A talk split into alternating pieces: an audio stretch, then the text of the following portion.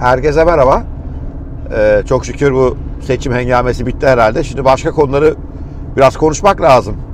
Ee, ülkede malum büyük bir istihdam sorunu var. Rakamlar korkunç. Yani gençler arasında resmi rakamlara göre %25 işsizlik var. Üstelik bu iş arayanlar içindeki rakam.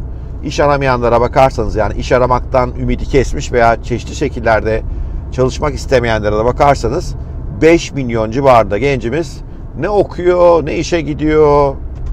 Hani ruh hallerini tahmin etmek zor. E, hakikaten kolay değil o yaşta bu. Peki bunu aşmak için ne yapmak lazım? Şimdi burada bir kere e, gözlerden kaçan bir konu var. Bu işsizlerin ciddi bölüm üniversite mezunu. Bu da beni bugünkü konuma getiriyor. E, üniversite mezunu olmak eskiden iş garantileyen bir faktördü. Hatta tersten gidecek olursak üniversite mezunu değilseniz iş bulma imkanınız da yoktu derdi toplu şirkette.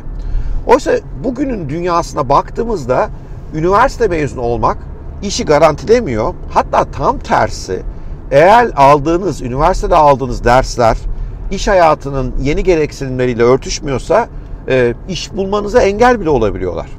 E, nitekim e, yakın zamanda Apple'ın CEO'su Tim Cook şöyle bir açıklama yaptı.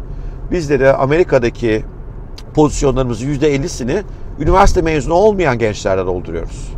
Çünkü dedi Tim Cook, üniversiteler şu anda ihtiyaç duyulan becerileri geliştirmek konusunda eksikler.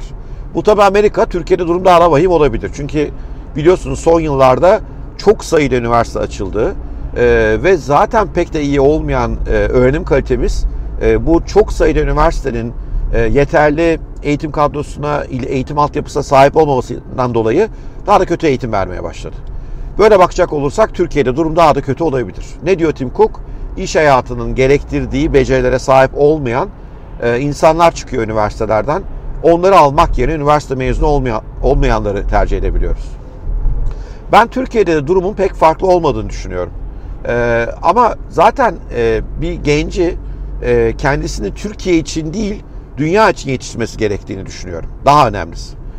Mesela önümüzdeki 10 yıl içerisinde yapay zekaya dayalı yaratılacak ekonomik büyüklüğü, yeni ekonomik büyüklüğü 10 trilyon dolarla 30 trilyon dolar arasında tahmin edenler var. E, dünyanın bugünkü büyüklüğünü düşecek olursak 70 trilyon dolarlık bir ekonomik büyüklük var küresel. Demek ki bunun 7'de biriyle yarısı arasında yeni bir ekonomi doğuyor. Yapay zekaya dayalı işler. Peki üniversitelerimiz gençleri bunu hazırlayabiliyor mu yani? Hangi üniversitede kaç tanesinde veya var tabi elbette iyi hocalar ama kaç tanesinde gençler yapay zekanın ne olduğunu, bunu hayatlarına nasıl katabileceklerini öğreniyorlar. Hangisinde e, yapay zekada başarılı olmak için gerekli temel altyapıları olan matematik gibi, istatistik gibi, programlama gibi konularda kuvvetli bir eğitim var. Pek çoğunda yok. O yüzden de mesela bu yeni büyüme fırsatına yararlanabilecek genç sayısı e, bir hayli fazlayken aslında üniversitelerimiz onları hazırlamadığı için bu yeni alanlarda Türkiye'de veya dünyada iş bulamıyorlar. Yani benim tavsiyem o yüzden gençlere veyahut da işte çocuğunu e, üniversiteye hazırlamaya çalışan e, yetişkinlere, ebeveynlere şu üniversite işini bu kadar önemsemeyin. Üniversite evet çok iyi üniversiteler var. Ben ODTÜ mezunuyum. Koç'ta master yaptım. Harika iki üniversite olduğunu düşünüyorum. Böyle yine iyileri var. Ama diğer pek çoğu açıkçası pek de dünya liginde yoklar yani.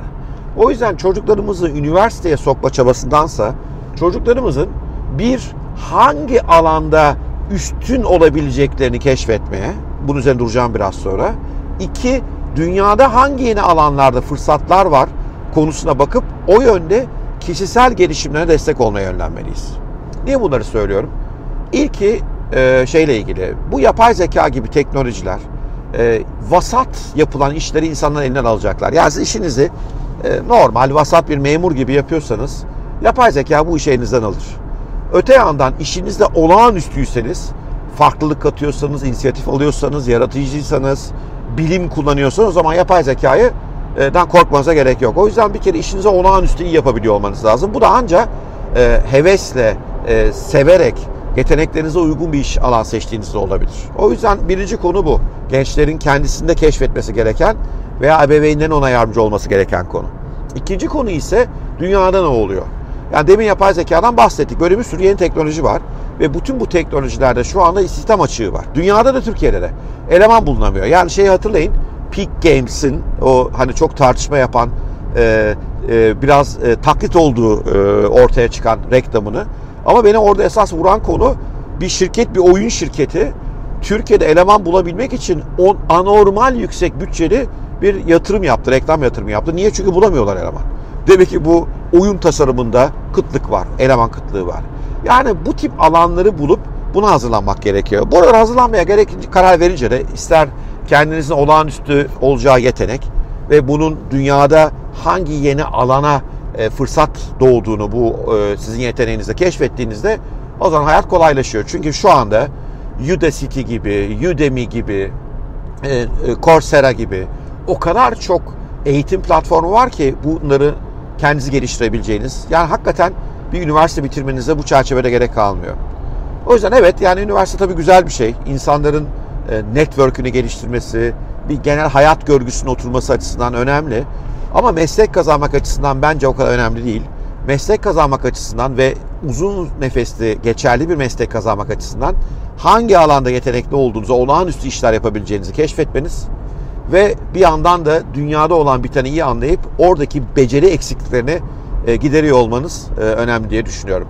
O zaman sırtınız yere gelmez. Aksi takdirde ne yazık ki e, milyonlarca işsizin arasında kalmanız mümkün. Bugünlük böyle. Umarım hoşunuza gitmiştir. Hoşunuza gidince gitmişse paylaşın lütfen. Tekrar görüşmek üzere diyorum. Sevgiler, hoşçakalın.